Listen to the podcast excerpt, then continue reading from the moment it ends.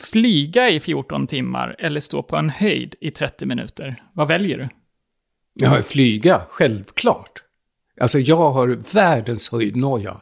Världens höjd. Mina värsta mardrömmar är att jag står vid ett stup. Jag kan inte gå ut på första våningen i ett hus och gå ut på en balkong. Då får jag sån här svindel och känner ett sug. Alltså, det går inte.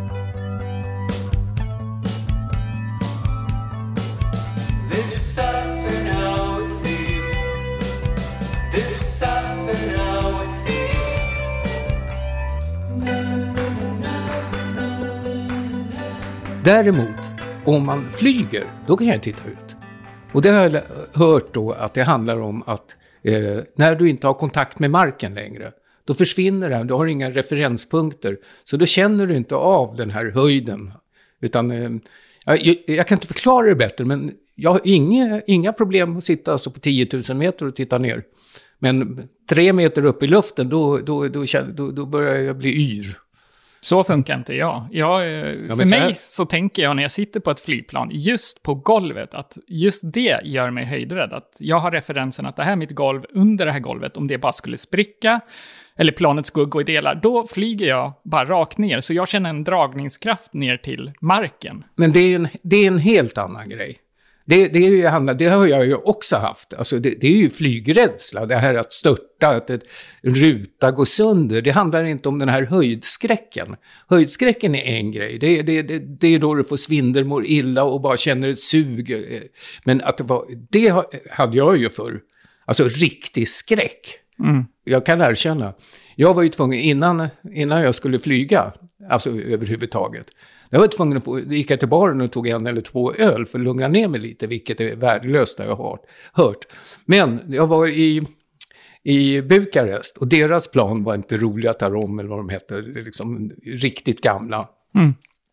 Och så kommer jag ihåg att eh, det var, jag var så sen, så jag hann ju inte få min den där ölen jag ska ha innan skräcken upp i luften. Så när, när jag gick ombord sa jag till flygvärdinnan så här, åh, jag måste kan jag få en öl? Nej, nej, det går inte, sa hon då på dålig engelska. Det, det, vi får inte servera förrän uppe i luften. Ja, men jag kommer ju gallskrika. Jag, jag har sån ångest. Nej, men det går inte. Och, ja, men, jag, jag, jag, är livrädd. Ja, men går det bra med whisky då? Så, Va? Ja, och så kom hon ut med ett helt dricksglas. Det gick okej. Så att jag, jag, jag fick ett dricksglas whisky och vaknade på Arlanda. Jag. Ja. ja, då var jag inte flygrädd. Då sov jag hela vägen. Äta myror och mask, eller sitta en tunna med bajs i cyklop. Nej, men vad sa du? Myror och... Mask. Ja, ja, men ja, det skulle jag hellre göra. Faktiskt. Mm. Du var ju inte berätta. Och du då? Ja, gud. Det är- lättare att ställa frågorna än att svara på dem själv. Eh, Det är ju du som har... ställer dem. ja, jag vet. Eh, ja. Eh, om man får ta sig en whisky mellan varje, varje smak så uh, lägga sig bajs i cyklop är nog för svårt för mig. Eh, Ja, speciellt i cyklop. fan. Hade det varit att doppa sig till, till huvudet så hade jag hellre gjort det, det kan jag säga. För att då Nej, är det, då är det inga I problem. bajs? Ja, Nej, fy fan. men just att ta ner huvudet i cyklop, där går gränsen. Ja, jag, jag kan inte ens stoppa ner en ena foten. Oh, usch vad äckligt. Hit med myrorna. Ha kvar dina vänner eller hitta livets kärlek. Oj, oj, oj.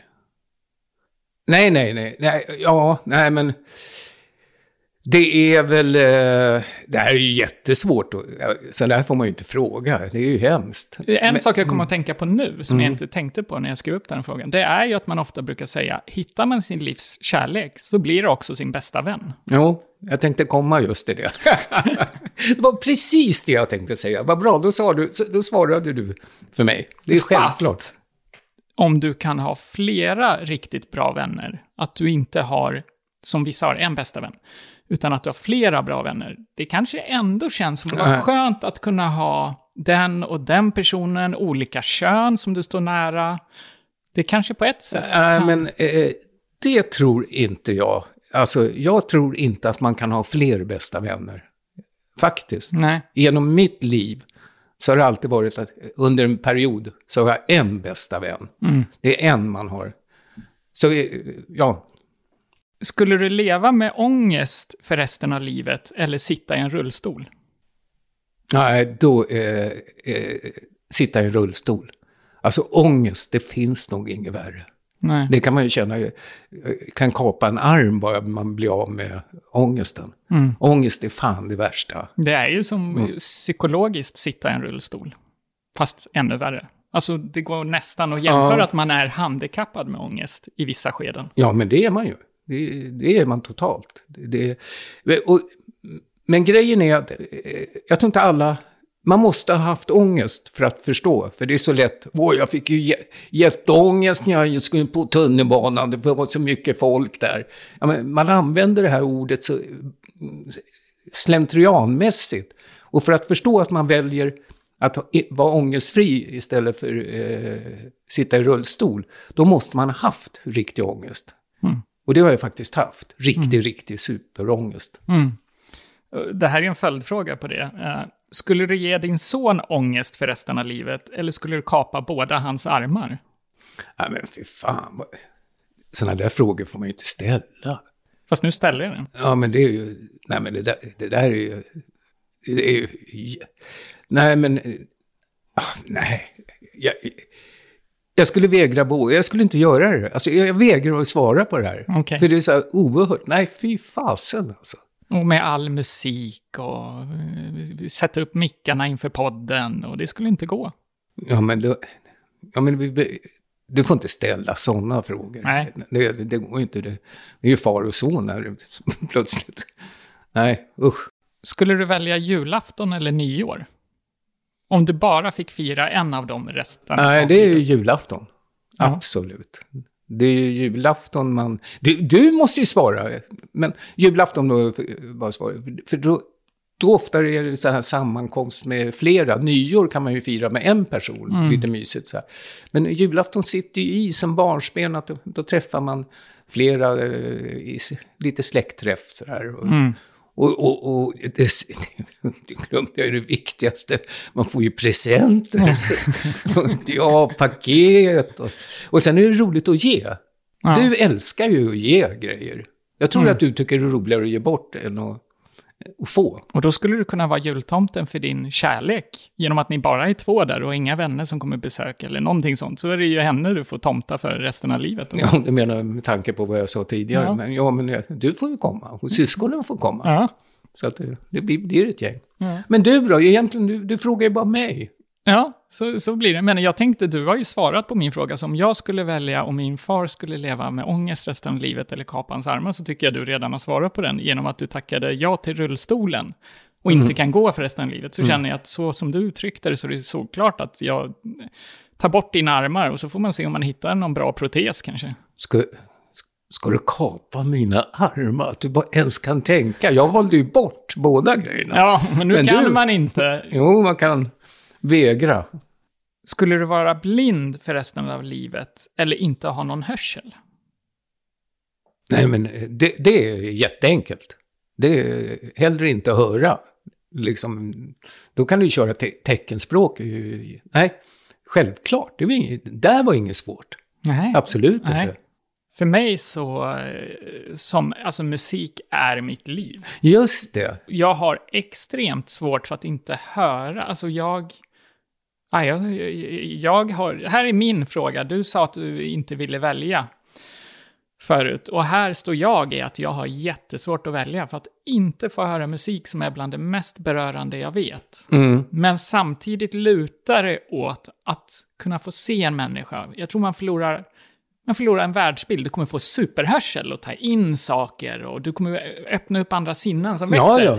Men inte kunna se den man har teckenspråk med. Inte kunna se en serie, där kan du ha textning på. Så Och, det och lutar tänk efter, du, nog. du är, ja, det lutar, jag kan bara göra det ännu enklare för dig.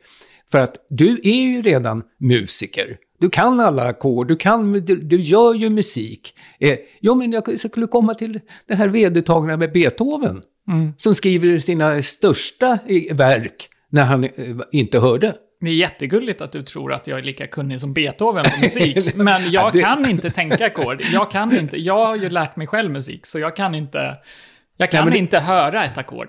Jag har Nej, inte den men- kunskapen, så för mig behöver jag ljud för, Men att för höra. att skapa musik? Ja.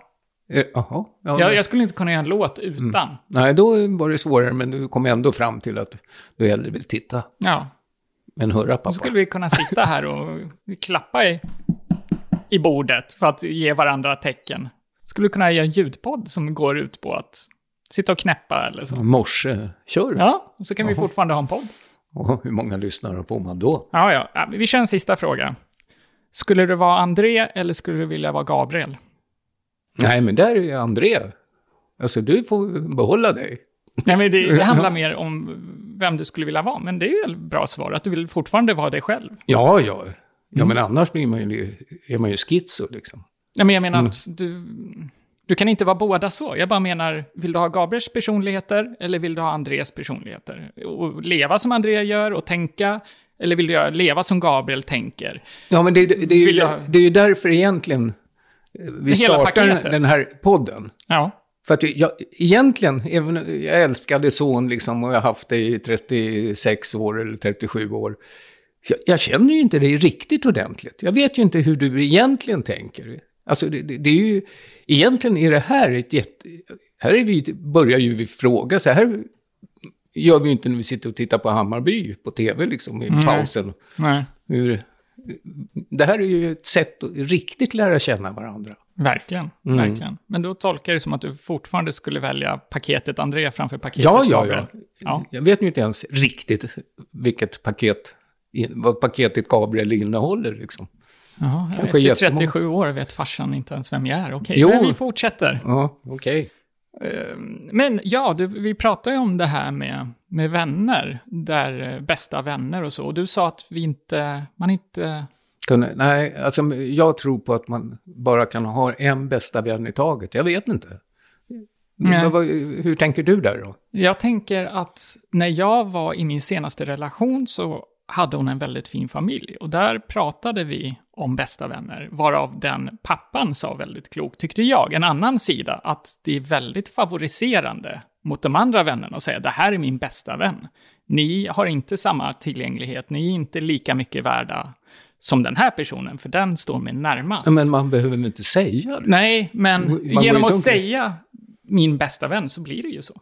Ja, men det säger man ju inte till andra vänner. Nej, men det Han- spelar ingen roll. att Det är inom andra- familjen eller eh, som man säger, det, du- det här är min bästa vän. Jag går inte till en annan som är vän jag har. Ja, tjena, du, vet du, min bästa vän är egentligen han. Men eh, svarar du då? Tror du att man kan ha fler bästa vänner?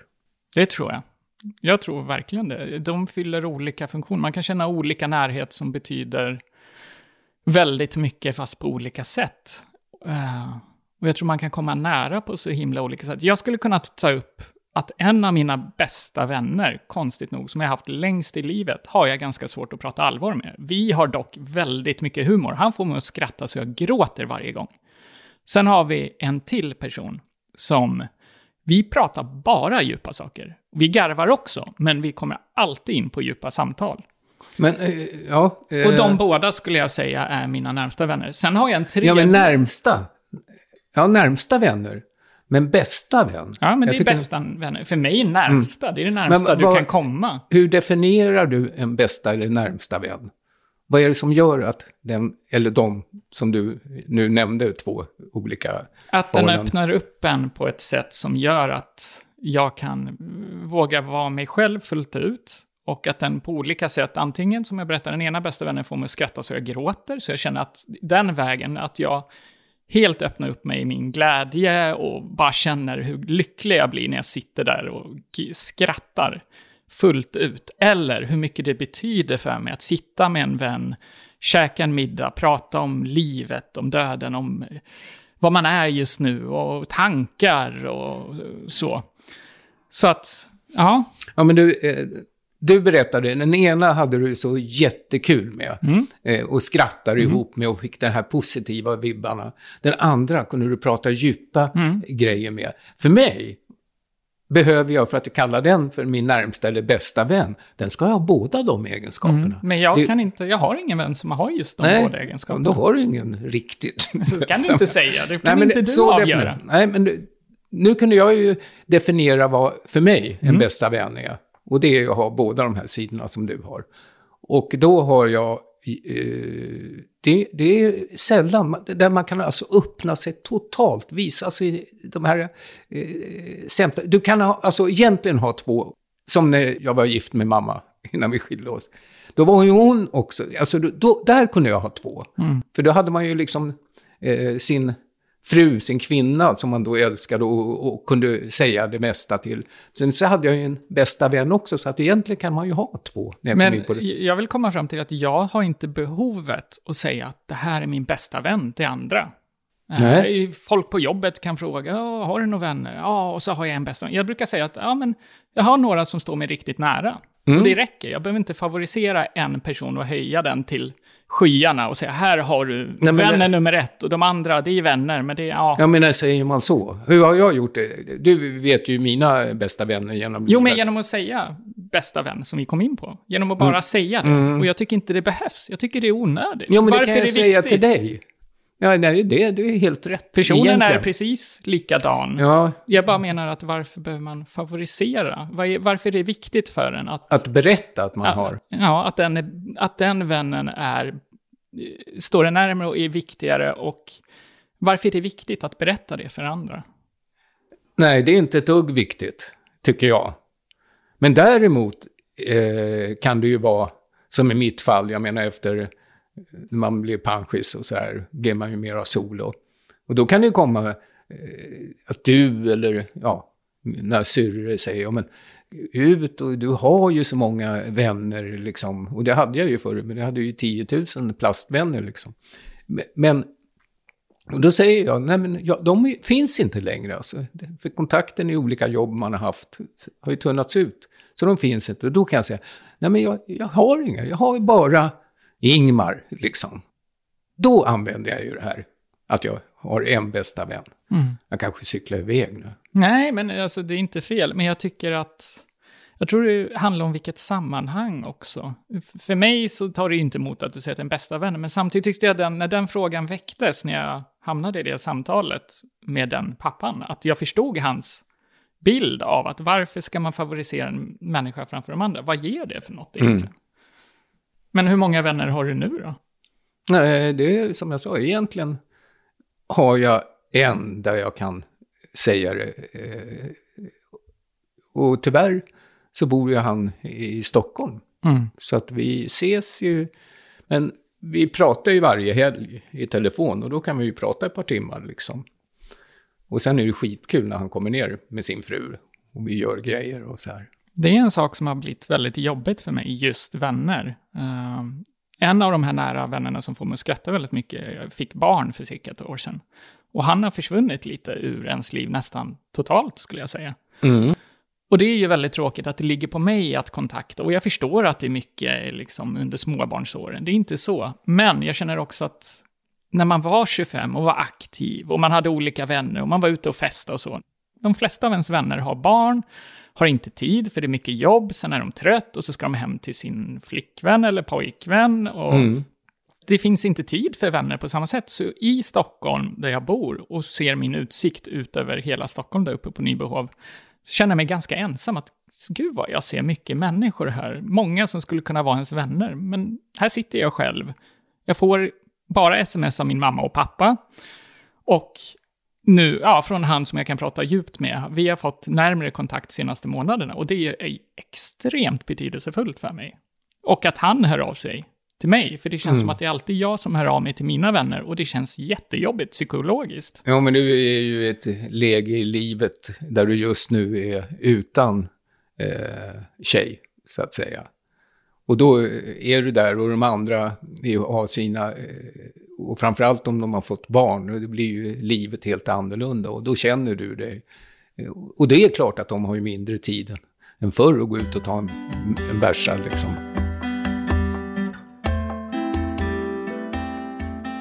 Har, eh, har du Tinder? Nej, därför att det... Jag, jag, jag tänkte ju det.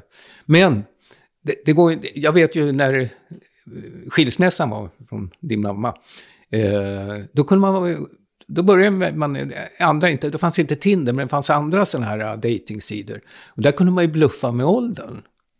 Eh, och det, och det kan man ju inte, så att eh, jag märkte ju när jag skulle gå in på Tinder, tjoff, så kom min ålder upp. Och då, då vet man ju, då är det inte en jäkel som är intresserad.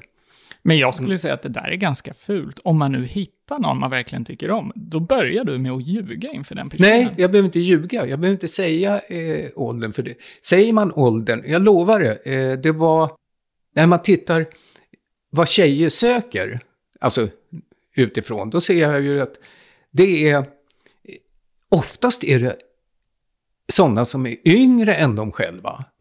Eller jämngamla och kanske ett, två år äldre. Men gärna tio år yngre.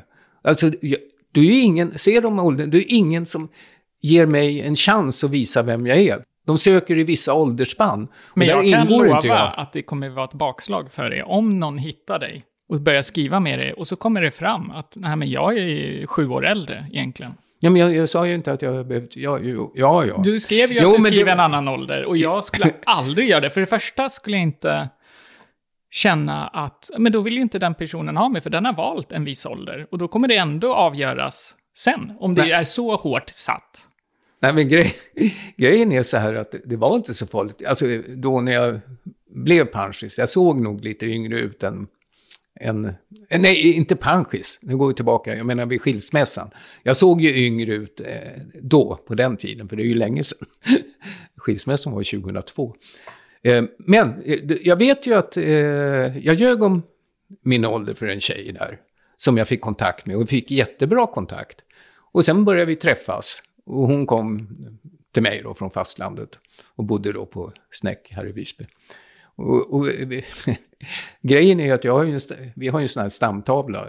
Och då var hon till, åh vad intressant. Och så, och så kom hon ju till mitt namn. Så du hann inte berätta det själv, utan Nej. hon fick hitta. Det är ännu värre, Ja, men hon, hon garvar ju bara. Och hur många år hade du då ljugit om? Eh, det kommer jag inte ihåg. Det var inte mycket.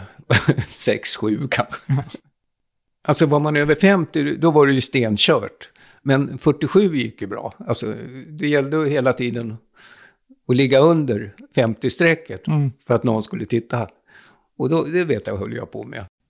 Intressant. Jag har aldrig ljugit om min ålder och jag skulle aldrig vilja göra det för att om det är ett problem, nu är inte jag lika gammal som dig så jag kan förstå mer dig, att man är äldre och vill hålla sig ung. Och att det blir jobbigt att känna sig äldre, rent mentalt. Så att jag, jag kan förstå det, men jag skulle aldrig göra det. Säg som du vill säga. Du, gammal. Du, du som är äldre, du är lite fin i kanten här. Gubbe. liksom. Gubbstrut. Ja, ja. Men eh, du har inte Tinder. Betyder det att du har gett upp? Mm. Oj, det var Ja. snabbt så. Nej, men jag har gjort det. Jaha. Eh, Lyssning gjorde- kvinnor, ni som sitter och lyssnar på det här. Eh, vi har en singelfar som är ganska charmig. Han sitter här, pratar med mig, känns... Eh, Mm. ser ganska bra ut. Yngre än... Eh, ja. Jag gick till reklam där. Ja. Ehm, nej, men det här var ju... Nej, eh, grejen och jag gav upp, det är inte så länge sedan. Jag gav upp... Eh, det är kanske ett år sedan, bara. Och innan, då var det ju verkligen så här... Jag, Mm, Det håller jag inte med för jag har frågat om du inte ska försöka träffa någon, tycker jag, ganska länge. Jag skulle nog säga mer än fem år, så har jag sagt det. Och då har jag sagt, nej, jag kommer aldrig träffa någon. Nej, jag kommer inte träffa någon. jo, nej, men... Eh, hur länge sedan var det där sista jag hade ett litet förhållande? Det var inte så många år sedan. Men efter det, men eh, vad jag skulle komma till, det som visar att man har givit upp, för innan, då, då tänker man på hur man, alltså som du säger, hur man ser ut och, och att man inte blir, jag käkade inga mackor, jag, i alla fall inget smör på dem. Eh, man tänkte på vad man käkat, jag gick på gymmet, att man var fräsch. Och, och nu när jag känner så här att jag har gett upp, då- då har ju kilorna kommit med dem också. Alltså att jag, då kände jag, men varför ska jag hålla på och kämpa nu och äta mindre när jag är sugen och äta mer och hamburgare hit och dit. När jag ändå inte, jag äter hellre gott än, vad ska jag pina mig för? Ja, nej. Svara på den du. Ja. Men eh, det måste vara hemskt, tänker jag, att gett upp. Jag kan känna ibland i min ålder att det har varit svårt att hitta någon sen min senaste, så jag kan få en känsla tillfälligt att jag ger upp och sen så ger man direkt en ny chans dagen efter. Men en dag kan jag känna, nej, Mm. jag börjar bli gammal, jag har inte hittat någon, det är kört med familj nu och du, man kommer in i negativa tankar. Och, Mm. Och så. Men jag tycker att det finns en chans med sådana här appar och sådana grejer, så finns det verkligen en chans kvar. Jag tycker inte alls du ska ge upp. Ska jag vara ärlig? Mm. Det är ju faktiskt så att skulle jag då kämpa eller börja på en sån här dejtingsida, nej men det här kommer ju inte, det här kan vi inte ha med. Alltså. Nej men därför, jag tycker, det, alltså då, om det skulle bli någon i min ålder, det är ju gamla tanter, det skulle kännas som morsan kom hem. det, det här är jävligt fördomsfullt. Men tyvärr är det så det är. Liksom, Jag är, vad kallas det, gubbsjuk då eller någonting, kanske det heter. Men eh, Mm. Nu var jag André. jävligt ärlig. Mm, det var det. Mm. Många som skulle hata mig. Mm. Nej, men som jag eh, nämnde tidigare, apropå, jag tycker liksom, eh, bak i tiden de här dating-sidorna som fanns, de var ju, man skrev lite mycket om sig själv och ibland var det till och med så att det, man la inte ut en bild heller. Nej. För att man skulle först få attraktionen av liksom personen och ha en kommunikation. Och det, det är ju jätteärligt. Alltså, det vet jag. Jag fick ju kontakt och sen att hon såg bra ut sen när, efter vi hade haft kontakt en månad. Det var ju helt okej. Men, i, i, men idag, men alla som du och alla jag känner, alla pratar ju om Tinder. Och det är ju verkligen det jag var inne på, höger, vänster. Man tittar på ett ansikte i tio sekunder och bestämmer nej, eller ja. Men Nej, hur jag funkar det, det Jag ska säga att det är hemskt. Jag tycker Tinder Ja, har kör förstört lite dating. Ja, för att jag, precis det Tinder gör med en, skapar beroende. Och det det gör också att du får inte en chans. Vad jag har sagt, jag har till och med tagit upp med dejter och så, för jag är lite frustrerad, att jag tycker det skapar först ett beroende, så när du swipar, ja, jag fick en swipe, ja, och en matchning, ja, men jag fortsätter. Man vill ha mer. Man vill ha mer bekräftelse. Man det- vill ha, och sen så har man flera konversationer igång samtidigt. Och så vet man att, ja, undrar vem man ska välja här. Nu har inte jag, jag ska vara helt ärlig, jag får inte så många matchningar så jag sitter och tänker så. Men jag har haft vänner, både tjejer och killar, som får väldigt mycket matchningar, som tänker så att... Och det är ju verkligen så att tjejer kan välja och vraka mycket mer än killar. Vi får lägga ner mer tid och mer matchningar för att de automatiskt får fler killar som vill matcha med dem. Det är jätte, jättetydligt. Uh, och så har det varit även innan Tinder kom, när det fanns andra internetsidor. Då vet jag att jag hade tjejkompisar. De kunde få 50-60 mejl på en dag och jag fick två. Ja, men det var ju intressant. Det, vad beror det på då? Jag tror att det beror på att vi killar är mer sökande för att, som att gå fram och ragga på krogen. Vi tar initiativet och går fram så och är mer sökande på det sättet. Och tjejerna kan liksom, de får matchning. När jag suttit bredvid mina tjejkompisar, ah, matchning, ah, inte matchning, matchning, matchning, matchning, inte matchning, matchning. Och för mig är det en på hundra liksom. Hänger du med vad jag menar? Ja, med att eh, tjejer får väldigt oftare mer matchningar eh, och kan då välja att nja, jag får så många hela tiden så jag väljer bort de här. Och jag väljer bara de snygga, de intressanta och så. Medan vi killar Ja, får, att- får ta en större mängd. Ja, och varför? Det är ju frågan. Ja, det, det har jag Det är ju inte... det som är varför det är så. Ja. Ja, det, det vet jag inte. Men sen så tycker jag det är intressant att när man väl går på dejt så tycker jag att folk är medvetna. Att så här, ja, eh, det, kan, eh, det är inte ovanligt att tjejer har, och killar, jag har själv haft så, speciellt när jag var yngre, flera dejter på en vecka uppgjorda. Så när man går på en dejt så är man så här, nej, det här var inte så inte intressant och jag ska ju träffa Lisa på torsdag. Ja, men då, ligger, då tror jag att jag, då, då skiter jag i det här. Liksom. Så man sitter ändå i är trevlig och sen när man går därifrån så vet man redan att ah, nej, nej, jag, jag har ju nästa dejt, så då tar jag det istället. Och då, genom att ha så många så ger du inte fullt fokus på någon. Mm.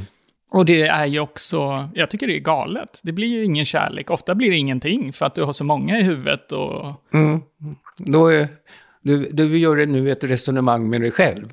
Du analyserar dig själv och säger att det här är ju egentligen dumt det jag håller på med. Ja. Du säger ju det. Men, det jag, det. är, Men du, jag är beroende av det, skulle jag säga.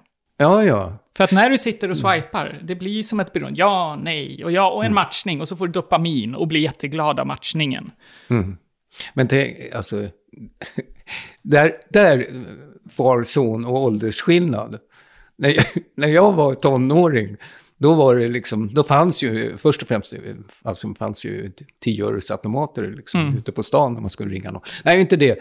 Då plockade man en presskrage ute i, i, på ängen och så satte man sig ner och tänkte på en speciell tjej som man var intresserad, som man hade träffat. Älskar, älskar inte, medan man ryckte av då på presskragen. Och så blev det älskar. Åh, då var vi ihop nästan. Ja. Det var, var väl finare. än Verkligen. swipa vänster, swipa höger.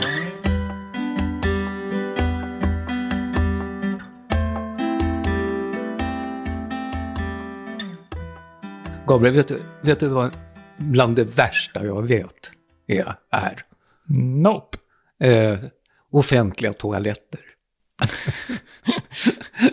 alltså, Låter det när du skiter? Nej, nej, nej, nej, ja, det, nej, nej, nej, men eh, när man är på fotboll och, eller man är på en pub. För där stänger man ju, kan man ju stänga dörren och det är helt okej.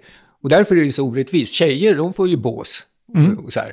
Men vi får ju stå i en ränna. och då, Jaha, vi- och då du är inne på pissarer nu, inte vanliga toaletter. Om det är vanliga toaletter ute, de har pissoarer och muggar. Alltså de har, ska du bara pinka så får du inte gå in. och- Alltså det, det, är ju, det är ju egentligen förbjudet att använda vattenklosetten. Utan man ska stå där i rännan. Och framförallt om man är på fotboll så är alla, för jag går ju in i bås och pinkar, alltså, men de är ju oftast helt upptagna allihopa, så jag är ju tvungen. Och, och snart börjar ju nästa halvlek och pinknödig, så jag håller på att spricka. Och så går jag fram och sen bara, det kommer inget. Och sen och får man världens noja så kommer de in, folk står bredvid en och de bara, det skvalar och det... Och själv kommer ju inte en droppe, man pressar. Okej, men vad tänker du på när du står där? Vad, vad, vad Nej men det är ju det, ja, men det, är ju det, det, det, det är ju det som är det jobbiga, för då, då står jag där och det är inte... Och sen står den bredvid och, och, och ser att jag, jag kissar ju inte. Och då undrar han varför jag står där och, och tänker så här, då, då, då får jag för mig att han tänker nog, han är nog homosexuell. Och sen är det ju sådana som kanske står och tvättar händerna, som de har sett att det har kommit in olika gubbar och ställt sig höger och vänster om mig. Och jag står kvar. Att de, de tänker, nej men titta där, han är ju homosexuell. Och då blir det ju ännu mer, då är det bara att knyta upp liksom och, och få eh, urinblåsesprängning. nej, men, nej men det är så jobbigt. Ibland alltså, får jag bara dra upp gylfen och gå därifrån. Ja. Och då är jag dödskissnödig. Det Ja, för mig så... eh, Jag har inget problem om folk tycker att jag är homosexuell. Det är helt okej. Och sen Ja. för det andra så, okej. så tycker jag att eh, för mig har jag precis samma känsla. Jag kan ta båten, som nu till eh, Gotland. Eh, tar båten dit, åh jag kissnödig, jag går på toan. Och så kommer jag in och så, helvete, det står två pers där och kissar och de är inte klara. Ja, eh, och det är fullt på alla toaletter, annars går jag rakt in där eh, och kissar på toaletten som man inte får. Ja, jag får gå in där då, och så ställer man sig där och de kissar och de, man, fan, är de aldrig klara? Och, och så får man inte igång snorren. Den liksom kissar inte och då börjar jag täcka hela handen för att de inte ska kunna läsa av om jag står och kissar eller inte.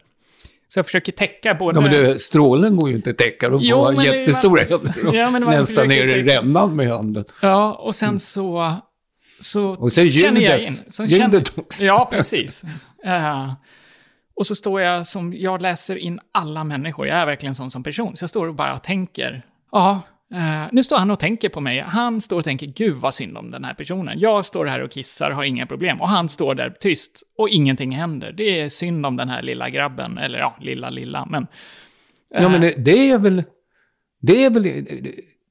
Är det så hemskt? Ja, för men mig som inkännande personer är det jättejobbigt att tänka vad andra tycker och tänker om mig. Ja, men jag tänker att vad synd om honom som inte kan pinka. Det är väl bättre än, oj, så han här och är en fluktare liksom.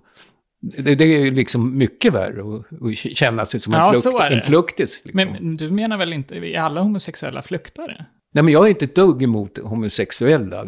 Absolut, jag har ju jättemånga kompisar. I artistvärlden hade jag ju hur många som helst. Men Du menar att du skulle kunna vara en gammal gubbe Nej, som men det står finns och fluktar det på finns barns... just det, alltså Organ. de här... Ja, nej, men det går inte att jämföra. Nej, nej, börja inte med det nu. Utan det finns ju, nej men det finns ju fluktar, eller också finns det inte det i dagens ungdom och eller medelålders. För oss, det, fanns, på min tid fanns det fluktare. Liksom. Så att, eh, Ja, jag har nog inte varit med om det. Jag tror det finns.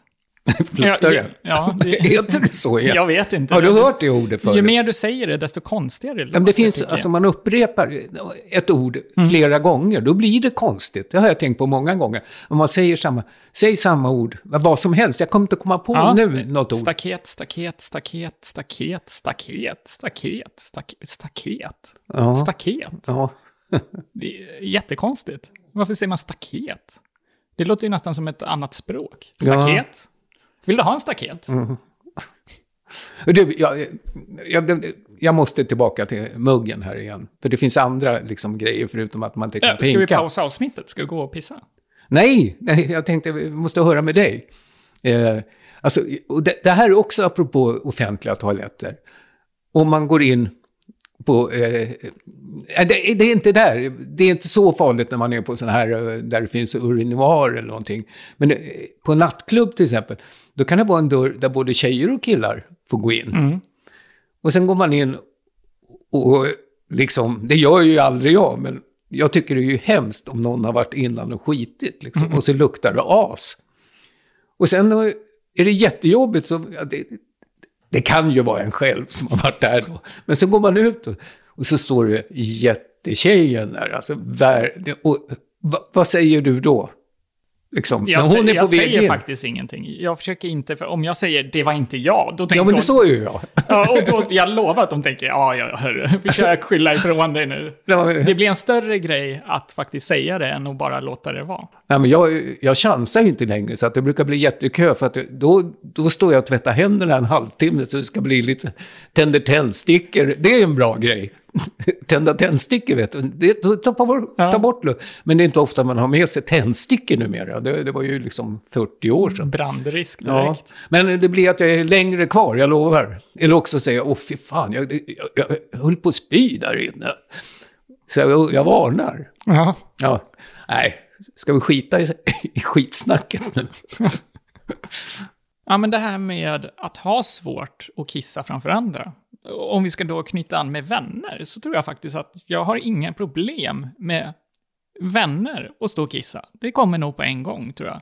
Men med okända personer, så just det här med att tänka, vad tänker den andra? Med en vän kan jag vara öppen och säga, nej, det här har jag problem med, och den förstår. Ja. Men jag kan ju inte ställa mig i pisaren och kolla på de andra och bara, hej, ursäkta, nu är det så att jag har problem att kissa när ni står Ja, men här. Jag vill bara att ni ska veta om det. Nej, men du har rätt. Alltså, jag fattar liksom att det, det funkar ju med en kompis. Att man går och pinkar. Mm. Jag menar, det är ju som med dig. Därför då, då får inte jag med. Alltså, jag tycker det är mera eh, tänkvärt eller eh, förklarligt för mig som får för mig att de- tror att jag är en fluktis. Och det vet jag ju att min kompis eller du, som vet att jag inte är det. Ja. Så det, det är ju självklart. Det är ju just det som är problemet. Att nu kommer inte jag, alltså det vet man ju innan. Alltså det, det kommer inte att funka. Nej. Och, det Och sen just, står man ändå kvar. och det är just för att det är okända människor, skulle jag säga. Ja, ja, ja. Det ja. är det som är problemet. Mm. Jag kan nog ställa mig med några kompisar och kissa. Ja. Och, och jag skulle kunna berätta, om jag inte kan kissa så känns det skönt direkt att kunna säga det. Det här går inte. Men om jag står inne bland 30 personer. Nej, då kan man ju inte säga... Ursäkta, Ursäkta, här, eh, om alla kan vara, sluta kissa. Jag vill bara säga så här, kan ni vänta på mig en stund? Kan Eller- ni gå ut allihopa? Så- jag får chansen. Ja. Jag har ju liksom lite nojan för det här med offentliga piss och rarrämnor. Jag tror de skulle kasta ut det. Ja. Enklast så. Nej, nu skiter vi det här. Nej, förlåt. Innan vi stänger toalettlocket så tänkte jag bara... Toalettlocket vi stod just i en ränna. Jag vill ju ha lock. Ja, fortsätt. Innan du stänger gylfen då. Okej. Är det okej att säga? Mm, det är okej, då fattar jag. Vad hade du velat göra annorlunda mot dina föräldrar nu i efterhand? Eh, har du något osagt? Oj. Oj. Hallå. Eh, Eh, du har ju båda dina i livet, så det, du kommer få en motfråga här nu. Jag har fått, mina är ju döda. Eh, nej, eh, jag, jag har ju nog inget osagt, så att säga. Absolut inte. Från mig till dem. Däremot är det att jag skulle vilja höra att, hört mycket mer, att jag inte frågade ut om deras liv. Och det ska jag berätta för dig, för det är jättestarka grejer som har hänt, framförallt min far under sitt livstid med oskyldigt fängelse och hela köret, det kan jag ta en annan. Men ja, till exempel det, jag skulle vilja ha frågat mycket mer om hans eh, ungdom och, och liv och även mamma. Alltså, man levde mycket i nuet. Och det är klart man pratade minnen med föräldrarna när man var barn och sådär. Men, men det var ändå... Eh, jag frågade inte dem om deras liv egentligen. Men du har sagt allt. Du har, har du kunnat berätta för din eh, pappa att ja, jag valde att vara discjockey. Jag vet att du inte var, ville att jag skulle vara det, men nu valde jag det. Och varför jag valde discjockey var för att jag vann en tävling, eh, bla bla bla bla bla bla. Har du kunnat liksom berätta allt och förklara allt för honom? Nej, Eller har du någonting osagt som det känns som att ja, jag hann inte berätta Nej, eh, alltså... varför jag valde jobb, varför jag flyttade till Gotland, varför jag... Nej, men det, nej, nej, nej, men det är ingen fara. För att det, det här med... Ja, han var ju jätteledsen när jag blev det, när jag vann den här tävlingen och fick radioprogram. Utan han tyckte det var synd, men han kunde inte fatta. Jag kan ju inte berätta för sina fina släktingar där. Jag så, han fattade, för jag sa till honom, jag gör det här, jag hoppar av studierna, för att nu tjänar jag pengar ett tag. Sen kan jag ju fortsatt slippa jag låna så mycket. Men han sa så här, ja, min son han, han åker omkring och sjunger i Sverige för att eh, få ihop till studierna. Så att han skämdes lite.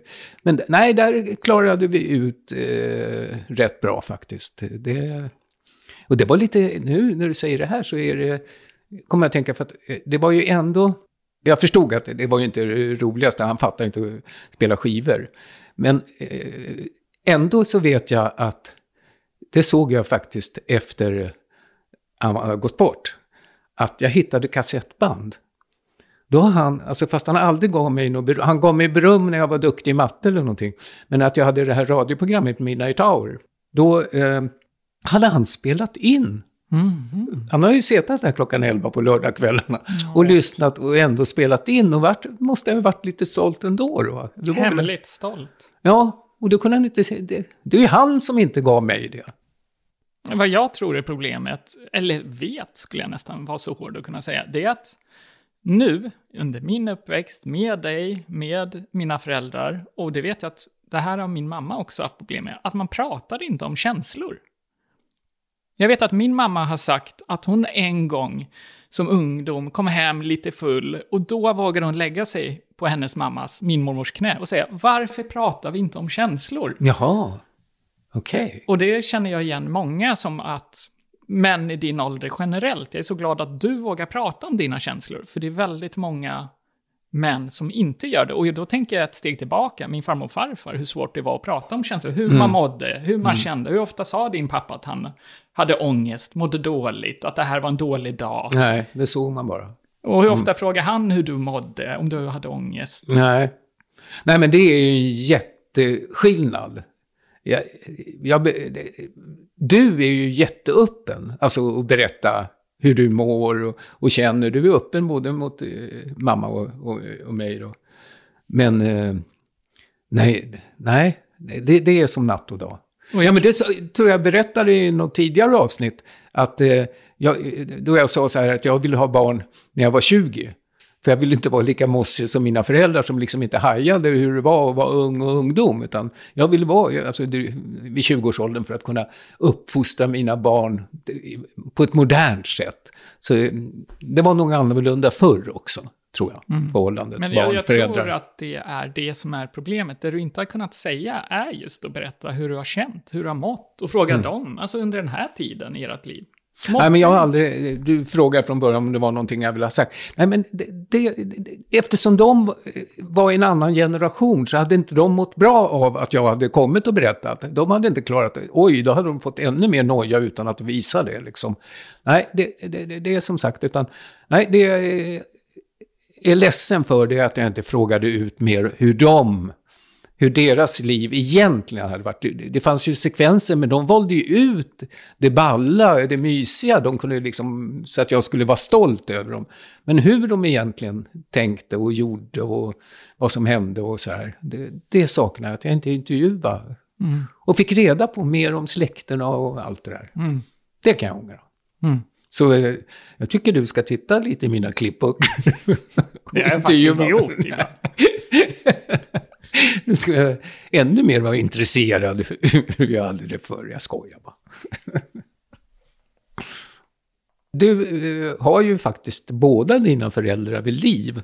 Men det har ju ändå gått 37 år nu. Mm. Är det någonting som du inte har eh, sagt eller frågat som du borde? Jag har Kanske. inte sagt allt. Som vi pratade om där så tror jag det är viktigt att behålla 10% för sig själv. Och som du sa så tror jag att det finns saker man inte behöver nämna för det, det kommer skada mer än vad gör nytta.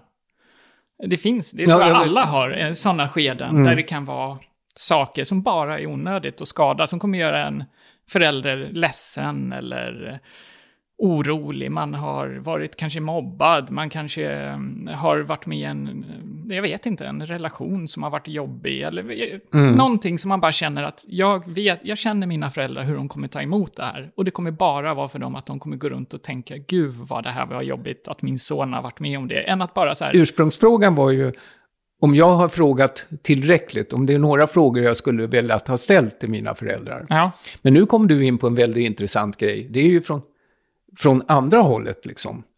ja, va, vad jag undanhöll mina föräldrar. jag tror att ha någonting osagt, det har jag. För att jag Mm. behöver de 10 procenten för mig själv. Så Mm. jag har 10 procent som jag aldrig kommer ge till någon. För att de behöver jag ha för mig själv. Och Mm. de 10 procenten kan innehålla någonting som bara skadar mer än att det ger nytta att berätta om dem. Mm. Och sen är jag, som du sa, väldigt öppen. Så jag känner att jag berättar nog mer än vad ganska många andra barn gör för sina föräldrar. Tror jag också. Eh, och jag tycker om det. Jag gör det för att jag mår bättre av att vara transparent och öppen. Mm. Så att Ja, det är din personlighet. Och den är jag jätteglad för att du har. Då kanske vi har sagt allt som ska vara sagt. Ja, för den här gången i alla fall. Ja.